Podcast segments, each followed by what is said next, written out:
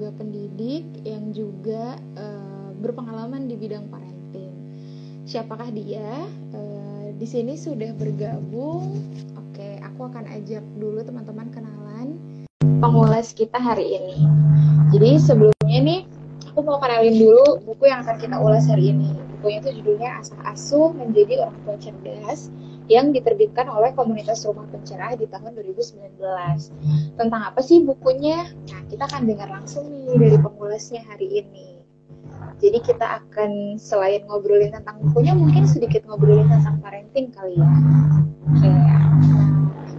Burita sudah bergabung. Oke, sudah bergabung nih dengan kita. Halo Burita. Halo Mbak Asri. Halo, apa kabar nih Burita? Ya, Alhamdulillah sehat, baik. Mbak Asri gimana? Alhamdulillah sehat juga. Teman-teman, uh, sebelumnya uh, Bunda Rita ini domisilinya di Jakarta ya Bu ya? Iya, saya di Jakarta Selatan. Nah, Bunda Rita di Jakarta Selatan, saya di Cimahi. Walaupun jauh, alhamdulillah kita bisa tetap bareng bareng-bareng nih mengulas buku yang menarik sekali hari ini. Tadi saya udah jelasin dikit Bu tentang buku Asa Asu yang mau kita ulas, tapi baru siapa yang menerbitkan dan tahun terbitnya tahun 2019. Sebelum kita akan membahas tentang buku yang kita ulas sore ini, pengen kenalan dulu dong sama Bu Rita. Sekarang sedang sibuk apa? Mungkin uh, Jakarta Selatannya di mana siapa tahu ada yang mau main nanti. Silakan berita baik terima kasih uh, Mbak Asti. Uh, Bismillahirrahmanirrahim. Assalamualaikum warahmatullahi wabarakatuh. Saya Bunda Rita Zahara, saya dikenal dengan sebutan Bunda Rita ya, Ibu Rita. Uh, saya istri dan punya dua orang putri oh. yang saat ini sudah berusia 12 dan 14 tahun. Nah, sekarang saya juga kesibukannya diamanahi uh, sebagai guru PAUD ya sejak tahun 2003. Uh, kami Berbe walaupun uh, dulunya di Aceh tetap guru PAUD, tiba di Jakarta masih guru PAUD lagi. Jadi oh, masih guru PAUD ya, Bunda ini. Tidak seperti sekali. saya. Aduh, saya malu dengerin sebagai sarjana PAUD.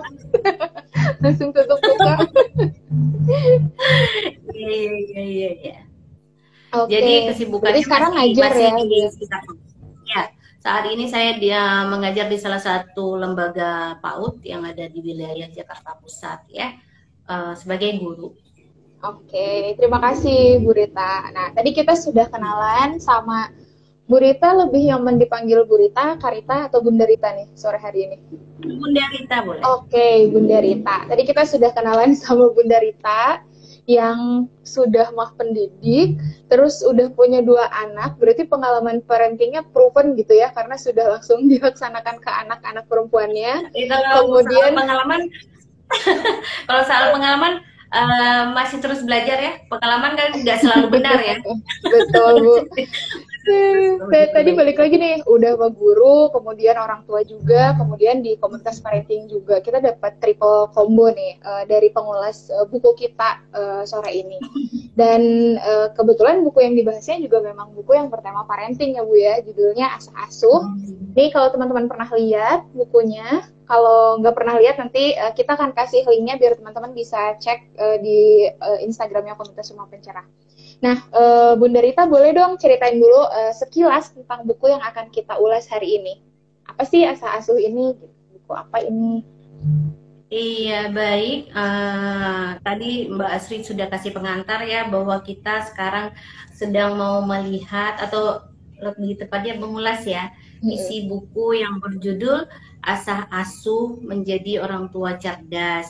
Nah buku ini sendiri uh, ditulis oleh uh, tiga orang penulis ya, ada Ibu Ferry Farhati, Ibu Dr. Adiati, dan juga Ibu Dr. Anda Nurbaiti Rahman. Uh, yang kemudian diterbitkan oleh komunitas rumah pencerah. Buku ini menurut saya sangat menarik ya. Yang pertama, kalau dari sisi uh, tampilan, uh, buku ini kayak warna dan juga gambar. Nah, untuk orang-orang visual ya, untuk orang-orang yang uh, apalagi di rumah tangga dikasih tulisan banyak-banyak, dia bisa kabur. Ya, jadi buku ini cukup menarik dari sisi desain gitu, gambar banyak gambar, banyak warna sehingga tertarik orang untuk membacanya. Kemudian juga saya melihat uh, dari kontennya ya. Uh, menggunakan mengangkat satu tema bahasan itu dengan sangat uh, ringan mudah dipahami sehingga siapa saja bahkan pemula sama sekali bisa dengan cepat memahami isi buku ini tentunya. Itu uh, dari uh, penilaian saya tentang buku ini ya. Dan yang menarik dari buku ini si penulis dalam hal ini Ibu Ferry uh, mengangkat memberi pengantarnya itu mengangkat tentang lima nilai. Lima nilai yang uh, menurut saya cukup menarik Kenapa menarik? Karena lima nilai ini Bu penulis mengatakan bahwa ini tidak akan lekang oleh waktu. Nah, itu tidak akan lekang oleh waktu. Menurut saya tidak hanya akan lekang oleh waktu, tapi sebenarnya sudah dimiliki oleh kita para orang tua. Bagaimana nilai cinta, semangat belajar, religius, kehadiran dan visioner ini sebenarnya dimiliki oleh kita semua para orang tua ya, tentunya. Namun kadang kurang dimaknai Kenapa kurang dimaknai? Uh, ya karena mungkin uh, atas uh, uh, kurangnya kita memahami, kemudian kita tidak memaknai sehingga lima nilai ini berlalu begitu saja, tidak ada kesan, bahkan uh, yang lebih tidak diharapkan bahwa nantinya lima nilai ini tidak mewarnai pola asuh kita selama bersama Ananda. Sehingga nanti yang didapat dari pengasuhan kita juga jadi berbeda. Contoh kecil, misalnya di sini diangkat salah satunya lima nilai cinta. Menurut saya siapa sih orang tua yang nggak punya cinta sama anaknya? Betul bu, orang tua baru nih ah, cintanya masih menggebu-gebu. Ya. Mbak Asri kan masih aduh luar biasa ya membara menggebu-gebu apa itu Betul. namanya yang nah artinya apa setiap kita punya cinta. Nilai cinta itu sudah memang fitrah ada dari setiap diri kita, terutama orang tua. Karena mereka, terutama ibu lagi, mereka melahirkan, membiarkan, melahirkan uh, anak yang selama ini di dalam rahim mereka. Nah, tentu ini nilai cinta ini tidak bisa dipungkiri, itu ada dan pasti dia akan berikan kepada anaknya Nah, tadi saya bilang bahwa bagaimana ternyata beberapa seper, uh, dalam perjalanan waktu si orang tua juga tidak memaknai cinta ini sehingga nantinya dalam pengasuhannya yang ditangkap anaknya jadi berbeda. Contoh kecil uh, banyak di antara kita dan mungkin saya pun masih harus belajar ketika uh, menginginkan sesuatu hal yang kemudian dia lakukan oleh anak-anak kita, kita lebih memakai intonasi nada yang agak sedikit lebih tinggi uh, sehingga anak kurang memaknai. Dengan dalih kita mengatakan ya ini karena saya sayang ini karena saya cinta sama kalian uh, itu kenapa saya marah uh, mama marah atau ayah marah. Nah ini bahasa yang sangat familiar ya populer lagi di rumah tangga kita. Nah dengan dalih rasa cinta dan sayang ini karena tidak dimaknai dengan benar sehingga akhirnya si anak menangkapnya berbeda. Nah, hmm. si penulis di sini bermaksud saya berpikir mereka ingin kembalikan kita para orang tua yang pada dasarnya sudah memiliki lima nilai ini untuk kembali bagaimana menerapkannya secara lebih bermakna dalam keseharian pola asuh kita. Dari pengantarnya cukup menarik sehingga kemudian kita para orang tua bisa melihat kembali, oh iya ya, uh, ini kelima nilai ini saya sudah punya namun bagaimana kemudian saya maknai di dalam uh, mewarnai selain dimaknai kemudian diwarnai juga selama pola asuh sehingga nanti dampak ke anaknya juga tentu lebih baik lagi. Luar biasa ya Bu. Ini baru pengantarnya nih teman-teman. Belum masuk iya. ke isi bukunya. boleh dong berita ceritain isi bukunya tuh ada beberapa bagian kan ya. Kebetulan saya pegang bukunya nih, 6 bagian dalam isi buku itu apa aja? Boleh sharing Burita? Baik, di dalam buku ini ada diangkat enam bagi tema bahasan ya. Saya hmm. saya uh, akan menyebutnya mungkin tema bahasan. Uh, di antaranya mengenal peran orang tua itu sebagai pengantar pertama kita diajak untuk kembali mengenal peran orang tua. Kenapa sih kita diajak kembali untuk mengenal peran orang tua? Uh, karena tidak dipungkiri kesibukan, keseharian, rutinitas sehingga kita uh, merasa tugas kita sebagai orang tua cukup dengan uh, memberi nafkah saja dalam rupa kebutuhan makanan, sandang dan sebagainya. Kita abai kadang-kadang dengan kebutuhan perkembangan anak sehingga pengantar bahasan tema pertama dalam buku ini diangkat tentang mengenal kembali peran orang tua ini cukup menarik. Nanti kita lihat apa saja yang dibahas. Kemudian juga uh, yang kedua ada tentang pertumbuhan dan perkembangan. Selanjutnya juga ada pola asuh, pola pengasuhan positif, membangun komunikasi positif, konsep diri, dan juga mendidik anak di era digital. Ini menarik ya untuk sekarang di era digital, apalagi di tengah pandemi seperti ini. Betul bu. Luar biasa ini menjadi panduan.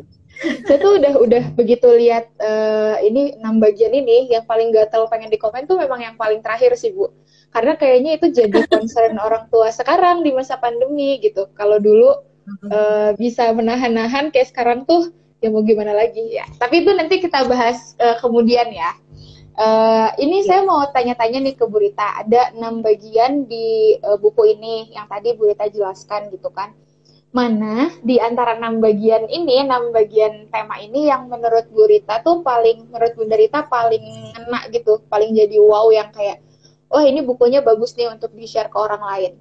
Bu Rita share punya Bu Rita, nanti saya juga share mana yang menurut saya paling wow nih di antara enam bagian. Oke, baik.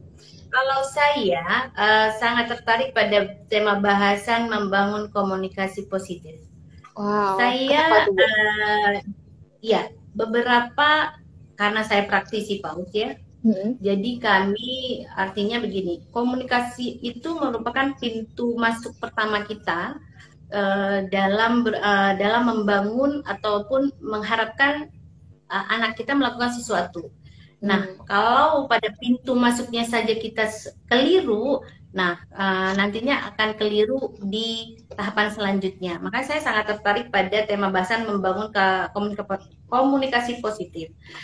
Di sini selain kita diajak untuk uh, dikenalkanlah apa itu komunikasi. Kita kembali di ya, maksudnya uh, bagaimana kita berkomunikasi dan tujuan kita berkomunikasi itu apa. Kemudian uh, yang paling menariknya bahwa di sini juga diberikan contoh-contoh jadi Contohnya ada apa contoh, aja nih, Bu? Ya, misalnya nih di halaman Nah, sebelum ke contoh, di sini juga kita diajak untuk menghindari beberapa hal yang dapat menghalangi komunikasi. Tadi kan saya bilang bahwa komunikasi ini menjadi pintu masuk. Nah, ternyata di buku uh, di buku ini dijelaskan bahwa ada 10 penghalang, ada 10 penghalang kita uh, bisa masuk kepa kepada anak dalam berkomunikasi, misalnya menyalahkan dan menuduh, meremehkan.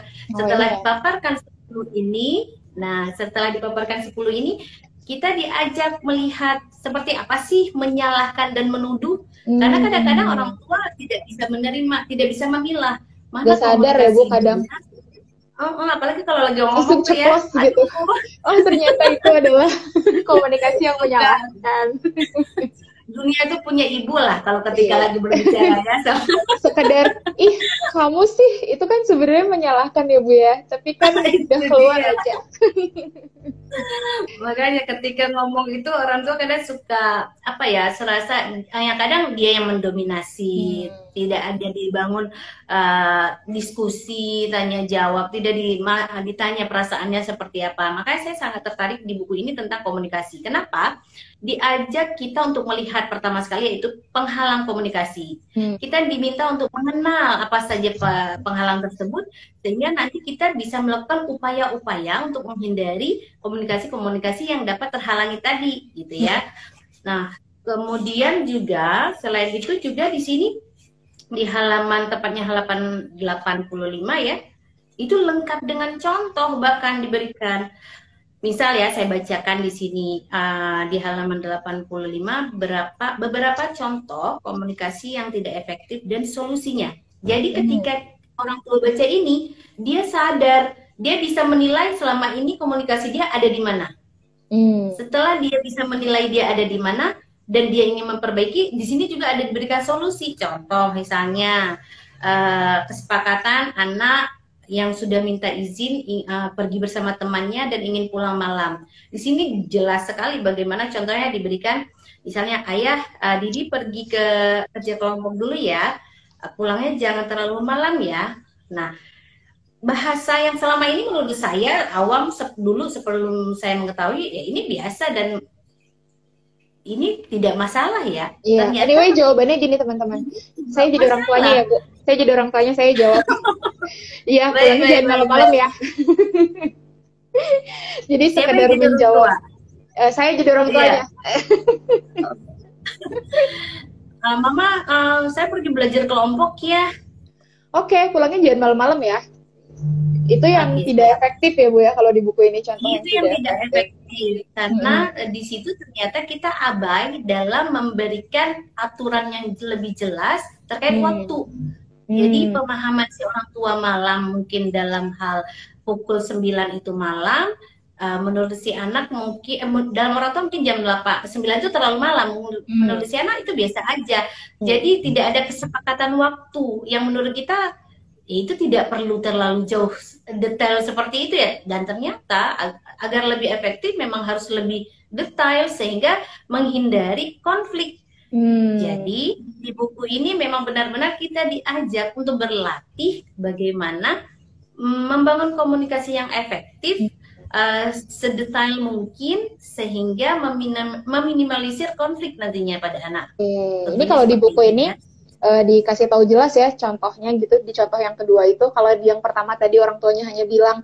jangan pulang malam-malam di contoh yang tepatnya atau yang efektifnya adalah bilang oke okay, jam 10 sebelum jam 10 udah pulang ya jadi ada kesepakatan iya. yang sama antara anak dan orang tua Wah, ini hmm. menarik nih. Ini baru satu contoh ya, Bu ya, yang ada di buku ini, yang tentang komunikasi efektif. Dan masih ada beberapa contoh lainnya yang sembilan penghalang tadi dan e, caranya. Thank you Bu Rita. Ini uh, saya mau ceritain yang buat saya nih bagian ini dari enam enam bagian ini mana yang menurut saya paling ngena. Karena saya orang tua baru, uh, baru dua bulan punya anak. buat saya yang paling ngena itu adalah bagian pertama Bu tentang mengenal peran orang tua. Iya, jadi uh, saya sudah pernah membaca buku ini gitu kan, terlebih uh, banyak uh, mengenal buku ini, tapi jujur baru baca lagi tuh seminggu ini gitu. Ketika baca lagi bagian pertama, ada satu pertanyaan. Ini pertanyaannya tuh uh, apa ya? Bikin wow gitu loh untuk saya. Pertanyaannya tuh ada di halaman pertama, di halaman tiga. Sudahkah uh, kita menyiapkan diri menjadi orang tua yang baik? Saya kayak sedang dipertanyakan ke diri saya karena saya adalah orang tua baru. Uh, Astri, kamu sudah mempersiapkan diri kamu kah untuk menjadi orang tua yang baik gitu? Jadi rasanya membaca buku ini, terutama di bagian pertama itu kayak oke, okay, ini kayak lagi lagi dikasih tahu gitu peran-peran uh, orang tua adalah peran yang baru. Terus yang paling saya suka adalah di bagian pertama ini kita diingatkan bahwa sebagai orang tua uh, kan biasanya tuh diingatinnya semua anak itu punya potensi, semua anak itu punya bakat, semua anak itu hebat. Tapi di di bagian pertama ini juga mengingatkan kalau nggak hanya anak yang punya potensi, tapi kita sebagai orang tua juga punya potensi yang uh, yang besar dan itu kayak dapat penguatan gitu loh di bagian pertama. Makanya saya hmm. suka banget uh, bagian pertamanya. Mungkin karena saya bacanya uh, sebagai orang tua baru gitu. Nanti kalau 10 tahun lagi kayak Burita mungkin uh, bab yang lain nih jadi favorit saya. Tapi dia benar.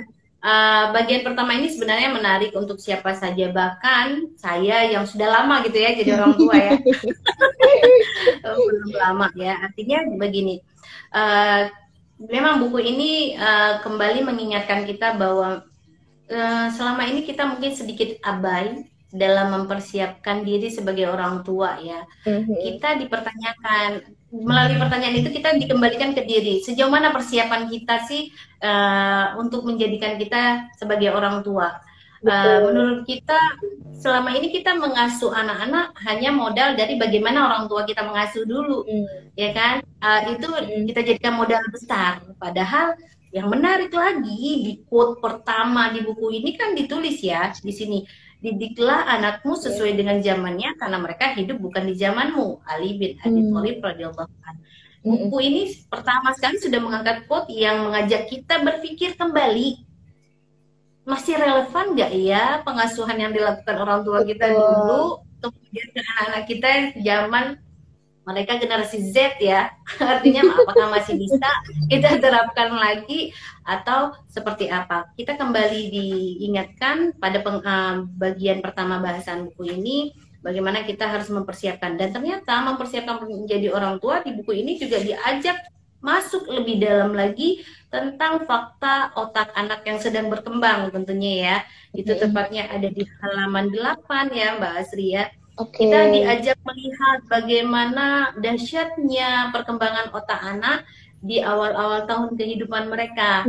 Bayangkan kalau kita masih uh, masih merasa cukup dengan uh, cara mengasuh seperti apa yang orang tua kita lakukan dulu, mungkin kita sudah banyak kehilangan potensi untuk memaksimalkan potensi yang ada di anak-anak kita ya.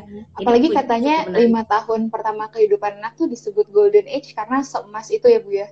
Karena se seberharga itu gitu eh, lima uh, tahun enam tahun pertama uh, anak termasuk di perkembangan otaknya. Dulu tuh saya ini bu ada satu bagian lagi nih di bab satu yang menarik menarik sekali. Oh bukan bagi bab satu, saya tuh sampai nyatet kalau tadi Bu Rita bahas pengantar dari Bu Ferry sebagai penulis, saya tuh membaca pengantar dari Bu Nana sebagai ketua KRP. Ada uh, bagian di mana orang tua tuh kebanyakan gak dibekalin sama pendidikan intensif ketika mau jadi orang tua gitu. Makanya akhirnya muncul kesulitan-kesulitan ketika jadi orang tua dan buku ini hadir untuk membantu orang tua. Anyway gitu ya saya dulu tuh kuliah PAUD 4 tahun gitu. 4 tahun belajar tentang pendidikan anak tetap aja pas punya anak itu tetap merasa butuh uh, butuh sumber-sumber belajar baru. Karena bahkan saya kuliah 2010 sampai 2014 saya merasa keilmuan tentang pendidikan anak itu udah banyak yang perlu diperbaharui gitu. Ada beberapa hal yang udah nggak relevan. Padahal jaraknya hanya berapa beberapa tahun aja kan. Nggak kebayang kalau kita mencontoh orang tua kita yang dulu yang berarti saya 20 plus plus tahun yang lalu gitu. Kasihan anaknya. Makanya uh, penting banget sih membaca buku-buku parenting untuk menguatkan kita sebagai orang tua. Salah satunya si buku Askasu ini. Nah, Berita saya mau tanya nih, ini saya jadi semangat juga Bu bahasnya, karena saya orang tua baru, maaf ya. orang tua baru ya? iya, betul. Sebagai orang tua, jadi kalau dulu baca buku parenting, oh iya oke okay, ini ilmunya. Kalau sekarang itu satu lembar itu bisa benar-benar oke, okay, uh, eh, dalam dalam pembahasannya, nggak bisa sekali lewat. Nah, uh, tadi yang udah kita bahas Bu, uh, sekarang di masa pandemi, uh, gak apa ya uh, tidak uh, menafikan anak itu jadi dekat sekali sama gadget. Kalau sebelumnya uh, aturan-aturan tuh diberikannya jelas, oke okay, gadget weekend ya, uh, oke okay, uh, gadget satu jam ya sehari gitu untuk anak-anak yang udah besar. Sekarang itu benar-benar sekolah pakai gadget uh, main, ketemu temen lewat video call, ketemu keluarga juga pakai video call gitu. Nah, pembahasan yang di bab 6 atau di bagian 6 ini jadi relevan sekali. Boleh dong Bu Rita mengulas sedikit nih tentang apa sih yang ada di bagian 6 dari buku ini tentang mendidik dan membimbing anak di era digital. Iya, di bagian 6 membimbing anak di era digital, eh, kita yang pertama diajak untuk melihat ada di mana kita dan ada di mana anak-anak kita di generasi mana tepatnya ya. Nah, silakan orang tua masing-masing bisa mengukur Oh ya, misalnya saya ya, saya itu sepertinya generasi Y. Luar biasa ya. Di sini generasi Y dilihat kemudian uh, apa yang kita terjadi, apa yang yang ada di dalam dunia generasi Y itu seperti apa kita. Kita terpapar oleh uh, perangkat-perangkat uh, digital ini uh, seberapa jauh kemudian sejak kapan dan kita bisa melihat ke dalam diri sebenarnya. Oke okay, kita generasi Y. Kemudian kita melihat juga diajak melihat uh, pada anak-anak kita yang ternyata wow mereka sudah ada di generasi yang generasi Z atau generasi Alpha ya di sini ya. Uh, bisa jadi. Nah dari ini semua kita bisa kemudian melihat bagaimana menyikapi lah lebih lebih tepatnya ya menyikapi apakah tepat kemudian nantinya anak-anak kita bisa berinteraksi dengan perangkat-perangkat digital ini. Kalaupun tepat, dimulai dari usia berapa, kemudian hmm. berapa lama. Artinya hmm, buku ini sebelum kita bicara tepat atau tidaknya menggunakan perangkat, kita diajak melihat dulu kita itu ada di generasi mana. Sehingga kita juga nantinya jadinya tidak hanya melarang melarang melarang tapi lebih mengedukasi si anak dengan perangkat-perangkat yang memang wow ternyata pandemi ini mengajarkan banyak hal ya terutama hmm. saya juga Allah. Itu ya. Uh, kemudian juga di sini saya menarik nih. Kemarin saya coba baca lagi dan saya garis bawahi ya ternyata anak-anak kita itu akan menjadi warga dunia digital di halaman 236. Dunia virtual atau online yang sekarang itu wah seharian kita ya pindah dari rapat ke satu ke rapat A uh, kelas A dan B itu dari pagi hanya duduk rapi di depan perangkat ya. Masya Allah ya. Nah saya mulai uh, lihat buku ini sangat visioner tuh berarti ya bisa melihat kemungkinan terjadi. Visionernya teknologinya ya, bukan covid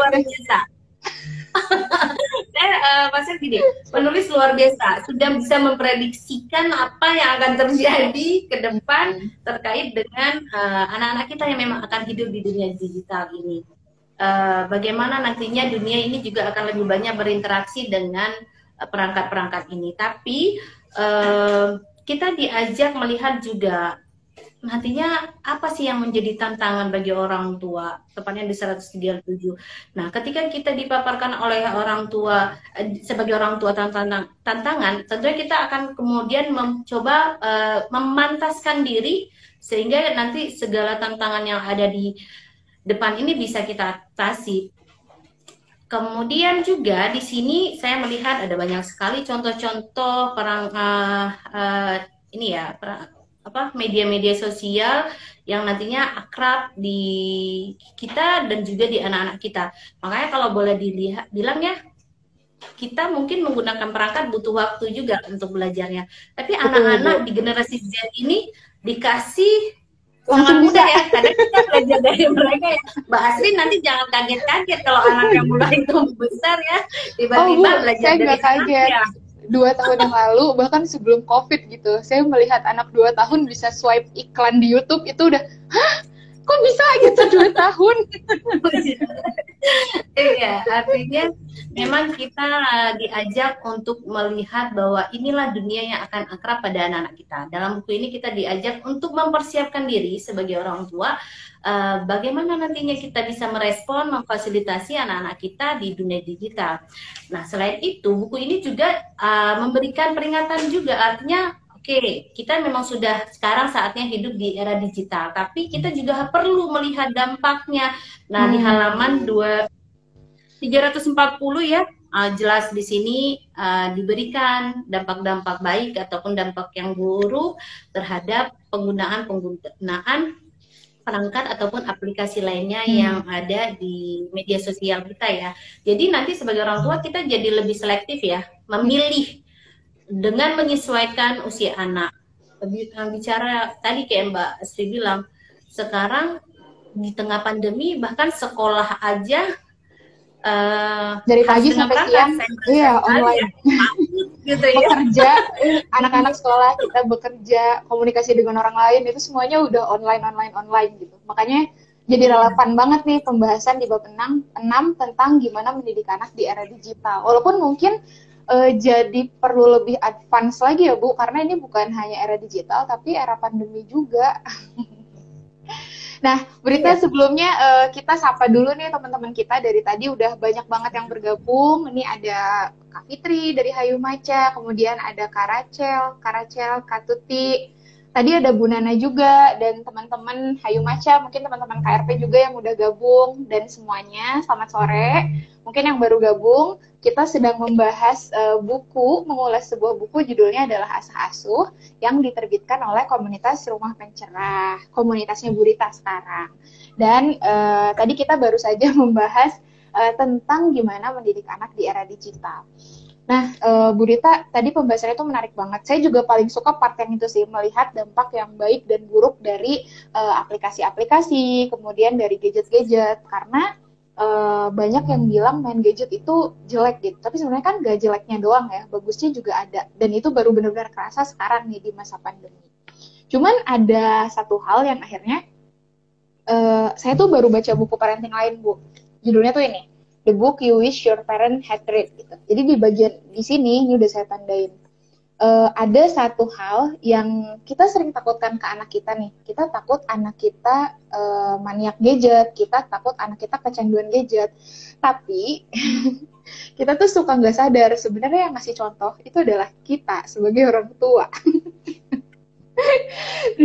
Jadi di sini tuh dia menyamakan uh, ada bilang gini, uh, kita tahu uh, kenapa orang-orang yang minum alkohol atau drug addict atau orang yang minum obat-obatan, kenapa mereka tuh nggak bisa jadi orang tua yang terbaik? Karena fokusnya tuh bukan ke anaknya, tapi ke ya si hmm. kecanduan alkohol tadi, kecanduan obat-obatan tadi.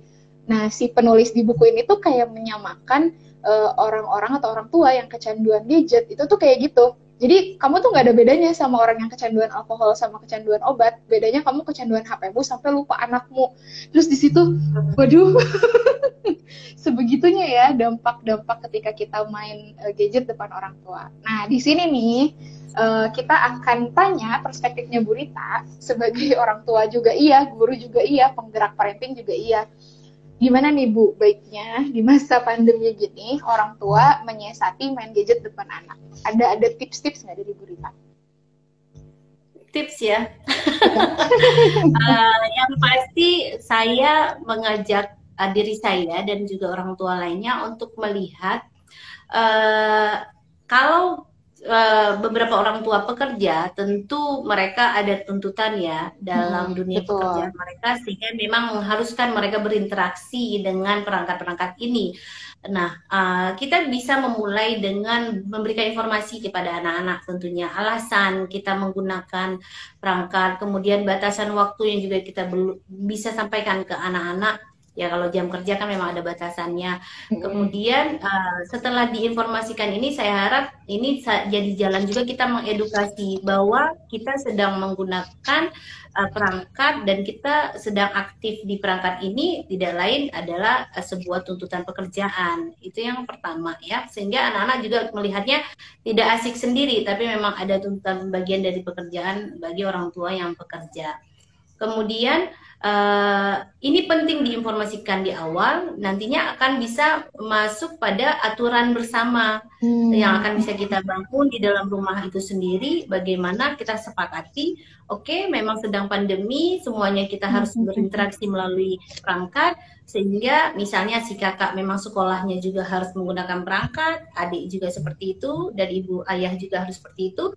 Nah, kita akan mengajak mereka untuk silakan fokus pada perangkat sebagai uh, sarana untuk memudahkan kamu belajar, memudahkan kamu berinteraksi sosial, uh, sehingga nanti pada waktu-waktu khusus Nah, perangkat ini juga harus kita sepakati untuk tidak digunakan tentunya, hmm. sehingga momen uh, kebersamaan, momen interaksi di dalam keluarga juga tidak hilang. Pastinya kan seperti itu. Jadi lebih kepada memberikan edukasi ya, karena kalau menarik sama sekali sudah tidak mungkin. Hmm, Pandemi betul, sudah betul, mengajarkan kita tidak mungkin kita menarik. Kalau kita menarik berarti kita tidak ikut sertakan anak-anak kita di sekolah uh, normal Isolasi ya. total ya bu namanya itu. homeschooling mungkin ya. Artinya okay. itu. Jadi setelah kita menginformasi kita bisa masuk pada aturan bersama yang akan kita sepakati. Uh, kemudian dari situ nanti anak, anak juga akan melihat bahwa mm -hmm. Uh, ini tidak menjadi kecanduan jadinya mm -hmm. karena ini menjadi satu kebutuhan Kebutuhan. yang bisa kita gunakan secara proporsional ya. Artinya sesuai kebutuhan saja. Kalau memang waktunya sudah selesai terutama saya. Misalnya kalau di rumah kita memang uh, ajak anak-anak setelah jam maghrib uh, kita akan ada sesi untuk uh, tadarus kajian bersama. Walaupun hanya kami aja isinya uh, kemudian kita bahkan sekarang sedang buat program Tosia artinya hari oh, ini pematerinya saya besok si kakak besok si Ade ya kami sedang iya supaya uh, momen-momen uh, seperti ini yang bisa hmm. membuat kita sementara sejenak untuk meninggalkan perangkat ini okay. uh, sehingga itu nuansa kebersamaan, nuansa interaksi di dalam rumah tangga juga tidak hilang gitu ya.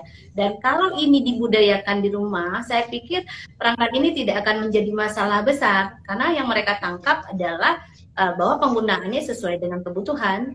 itu mungkin ya. Ini kalau saya nangkep apa yang Bunda Rita ceritakan, sebenarnya itu ada di bagian kedua ya Bu ya, halaman 144 langkah kedua ketika kita menjadi orang tua di era digital.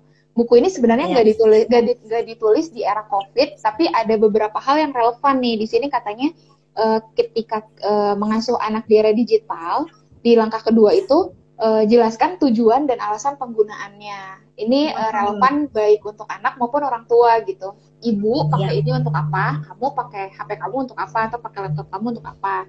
Kemudian ada tentang ke, menjelaskan keuntungan dan kerugian penggunaan. Kemudian tadi yang Bu Rita highlight adalah pembatasan penggunaannya seperti apa. Kalau di keluarga Bu Rita ketika habis maghrib no gadget dipakai untuk ibadah gitu kan.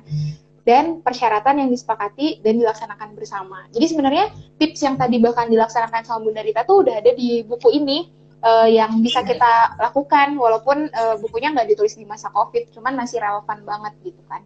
Ini uh, saya karena anaknya masih bayi belum bisa pakai sih Bu, tapi ini bakal berguna banget ketika nanti anaknya udah benar-benar ngerti, udah udah lihat, uh, udah sadar ketika oh ini ibu ibuku main gadget gitu kan.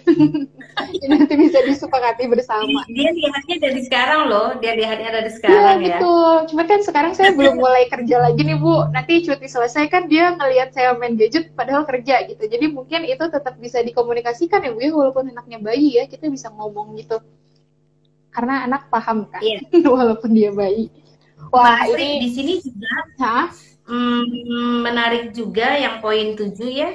Jadi okay. uh, eh, saya saya saya lebih melihat kepada diri saya ya bahwa saya hmm. tidak terlalu mahir dalam menggunakan perangkat, tapi ternyata menjadi satu kebutuhan di nomor tujuh hmm. langkah nomor tujuh menjadi satu kebutuhan kita bisa buktikan di pandemi ini bahwa setiap orang tua tuh memang harus melek teknologi ya dengan setuju, cara setuju, setuju, uh, setuju. dengan cara yang mudah dipahami saja. Kenapa?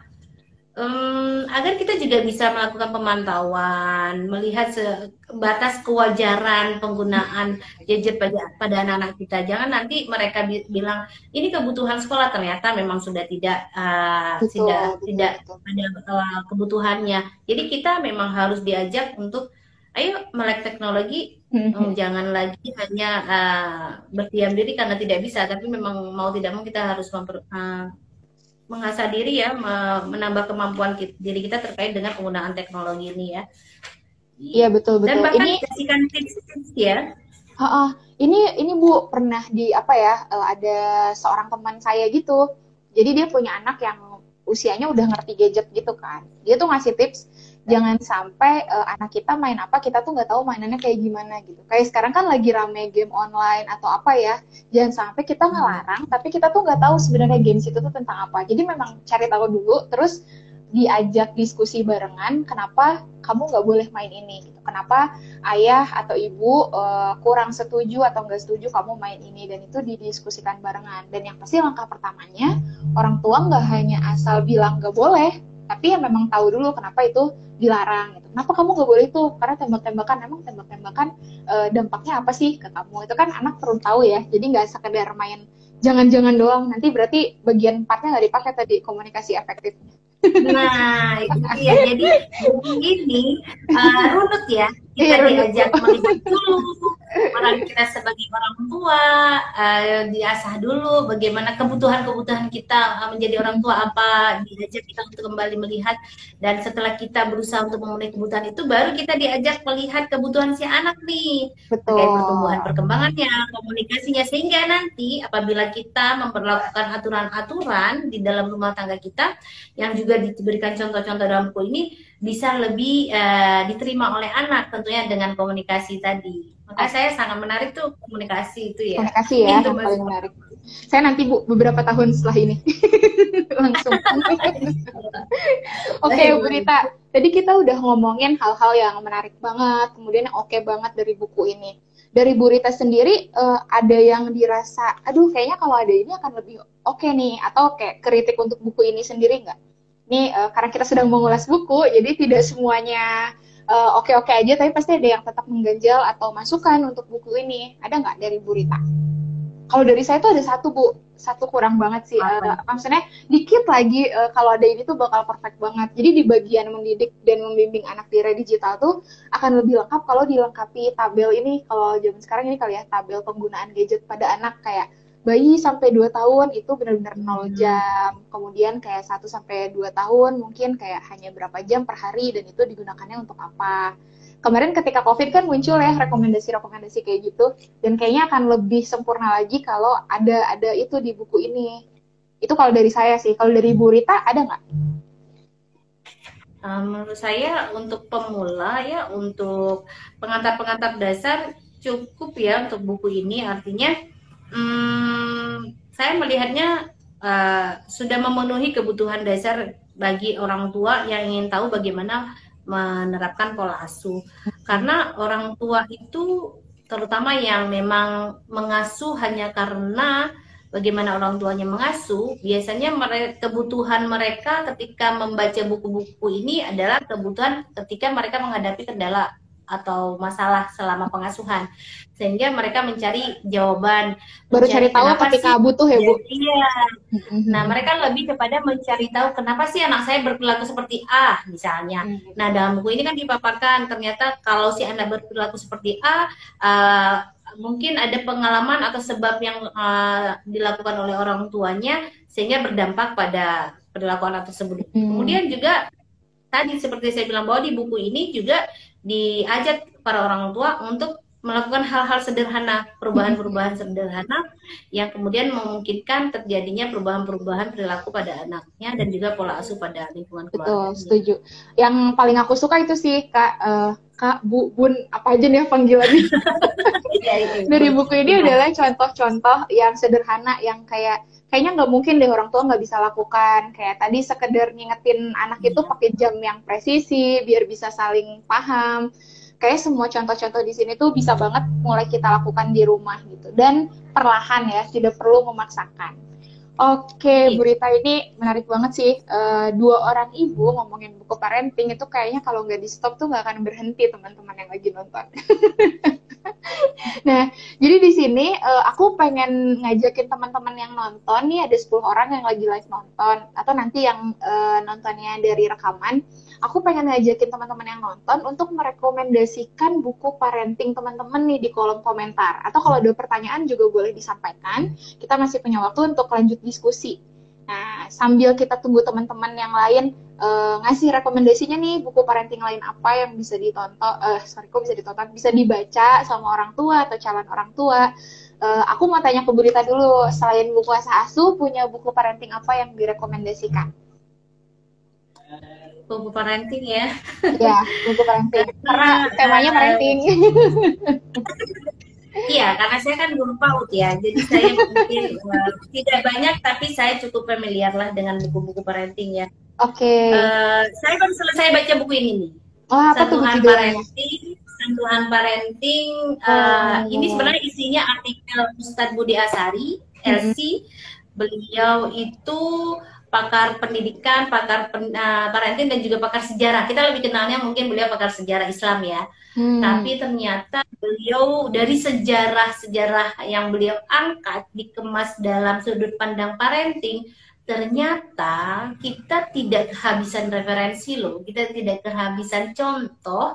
Da, seperti apa sih pengasuhan yang bisa kita lakukan, kita hmm. terapkan di rumah kita masing-masing, karena hmm. Walaupun ini lebih kepada uh, agama Islam ya, hmm. tapi artinya saya mau bilang bahwa ternyata sejarah itu berulang.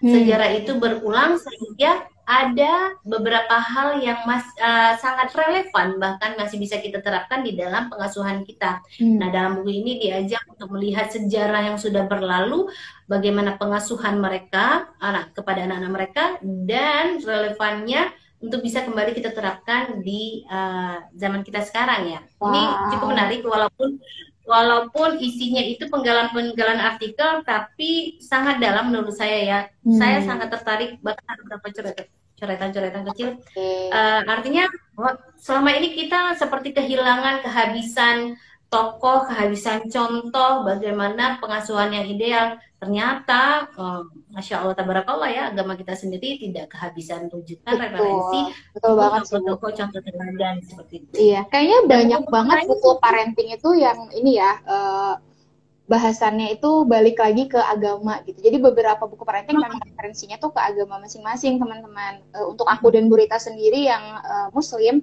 banyak banget buku parenting yang uh, base-nya itu adalah uh, Islam ya kak. Ini tadi aku tanya di grup uh, Wadia Balat Maca, jadi ada grupnya gitu Hayu Maca, ada rekomendasi salah satunya yang uh, apa ya, mungkin berbasis agama juga itu judulnya Fitrah Based Education uh, yang menulisnya adalah Hari Santosa, Ustadz Hari Santosa. Aku sendiri belum baca, tapi salah satu rekomendasinya ini.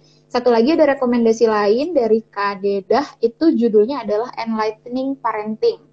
Sama, saya juga belum baca. Jadi kalau saya, buku parenting yang sedang saya baca tuh ini, Bu. Dari ngelahirin sampai sekarang belum selesai-selesai bacanya. Lama banget. BR ya.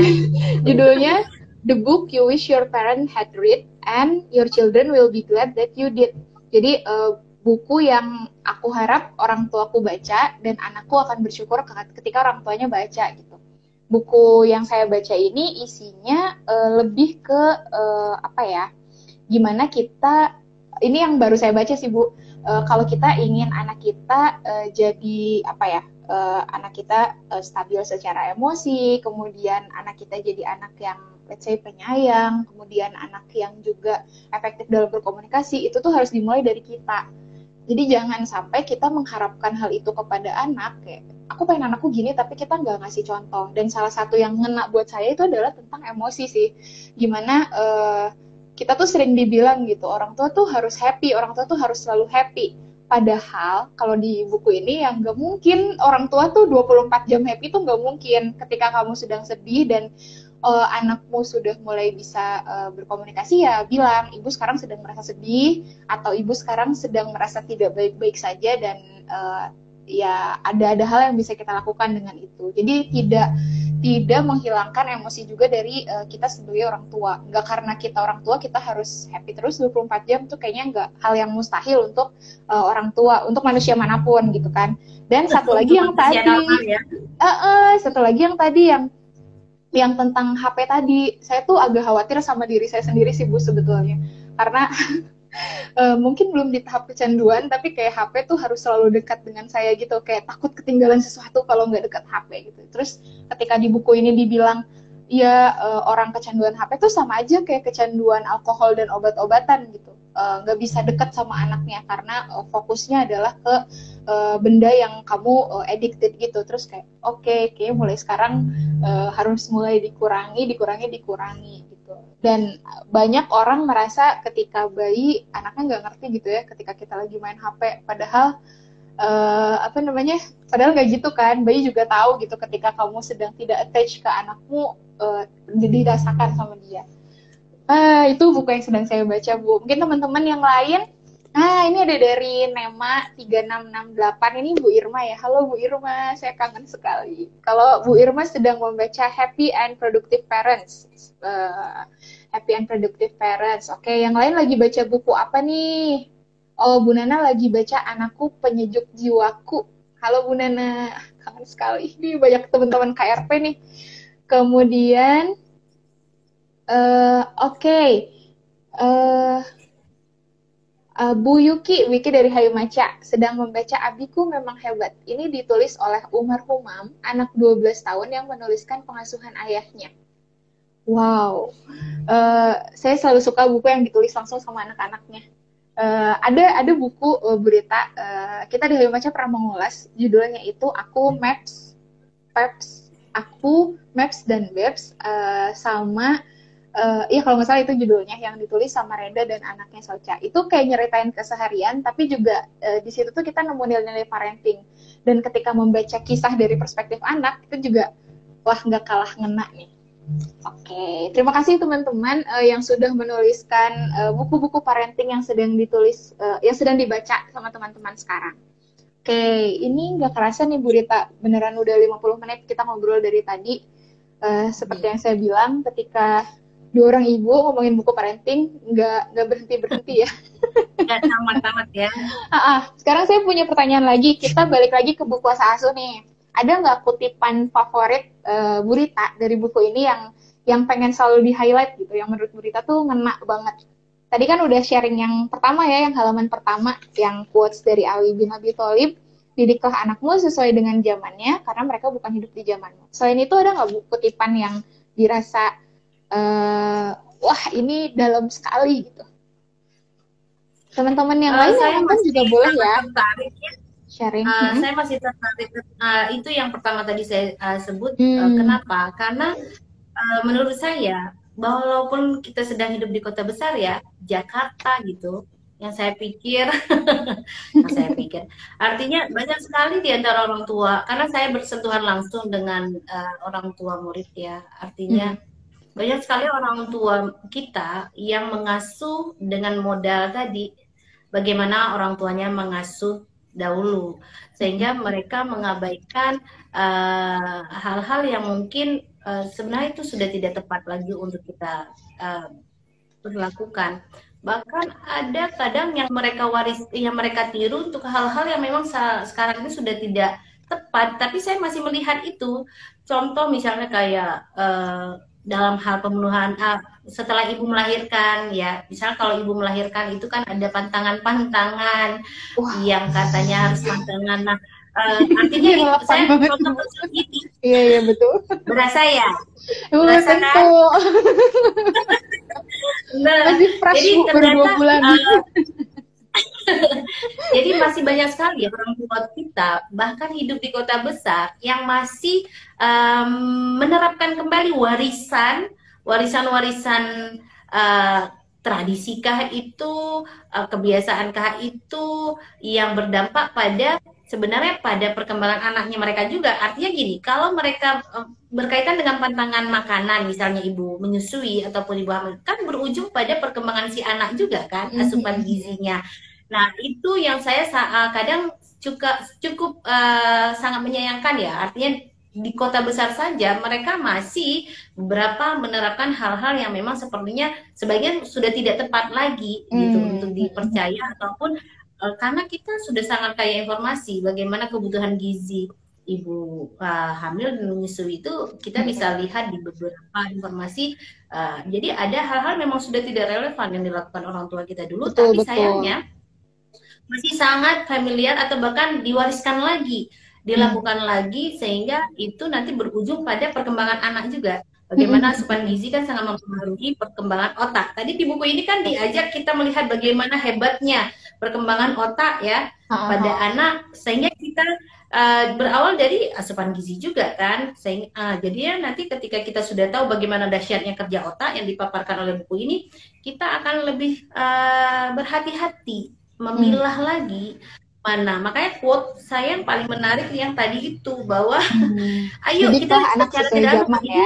ibu-ibu orang tua ayo didik anakmu dan ingat mereka itu hidup di zaman yang akan berbeda dengan kamu gitu wow, jadi betul, itu betul, cukup betul. menarik bagi saya ya. ngomong-ngomong tentang ini bu tentang ini, Oh iya, sorry sorry. Uh, aku mau nambahin dikit tentang uh, tadi uh, didik sesuai zamanmu. Mungkin kalau dari perspektif Bu Rita, uh, jangan sampai kayak kena mitos-mitos orang tua dulu. Nah, buat orang tua hmm. what so called milenial gitu ya, uh, apa namanya yang katanya orang tua milenial nih, aku nih, uh, jangan juga jadi over inform gitu. Jangan sampai informasi yang kita terima juga jadi berlebih karena kita penasaran, kita cari tahu dari Instagram doang gitu. Tapi semuanya tuh kita telan mentah-mentah gitu. Akhirnya jadi terlalu banyak informasi dan kita sendiri bingung gitu. Jadi bukan hanya mitos-mitos yang dulu, tapi informasi-informasi yang sekarang kita dapat juga dipilah. Jangan semuanya dimakan Iya. mentah-mentah. Betul. Tadi apa Bu? Satu lagi, sorry-sorry kepotong. Nah. Ah ya, di buku ini menarik uh, setiap tema bahasannya disediakan nih kolom ini. Oh, Oke. Okay. Nah, jadi uh, kita gitu di- ya. dibangun kesadaran. Kita Mhm. dibangun kesadaran. Nah, menurut saya salah satu uh, pakar parenting mengatakan uh, banyaknya kita lebih banyak tahu, kemudian ya sudah menguap begitu saja gitu, berlalu begitu saja, sekedar Betul. sudah tahu ya sudah gitu. nah, tapi di buku ini nih menarik. Jadi setiap tema bahasan diajak kita untuk menulis kembali apa sih yang sudah kita ketahui pelajari dari Hmm. bahasan yang dipaparkan tadi.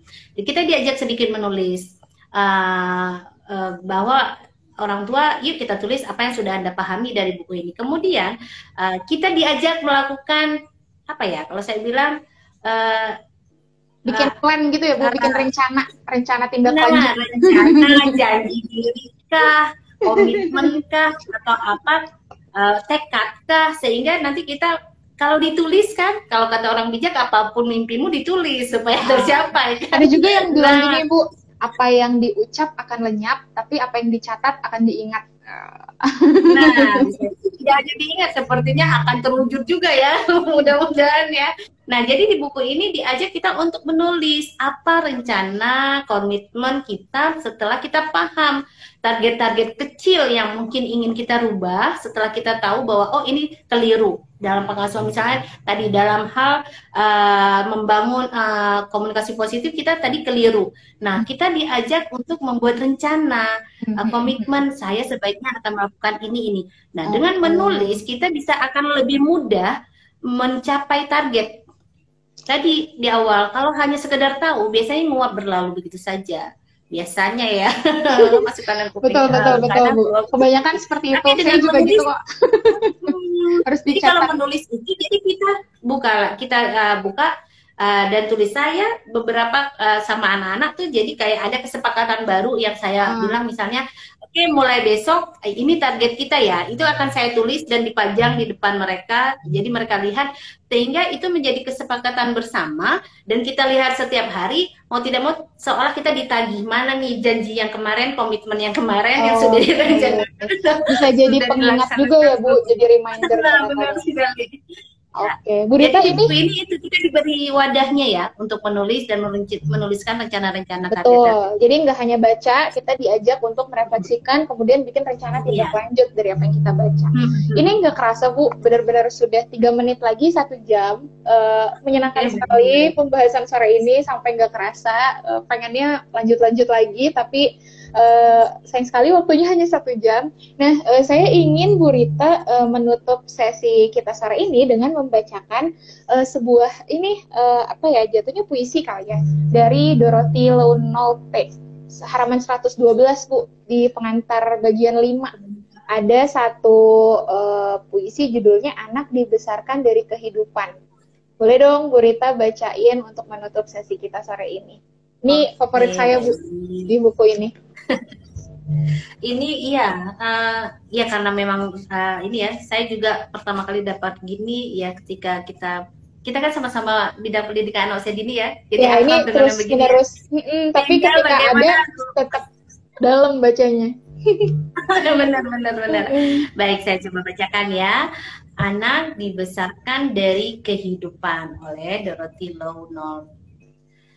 Jika anak dibesarkan dengan celaan, maka ia belajar memaki. Jika anak dibesarkan dengan permusuhan, maka ia belajar berkelahi. Hmm. Jika anak dibesarkan dengan cemoohan, maka ia belajar rendah diri. Jika anak dibesarkan dengan penghinaan, maka ia belajar menyesali diri. Jika anak dibesarkan dengan toleransi, maka ia belajar mengendalikan diri.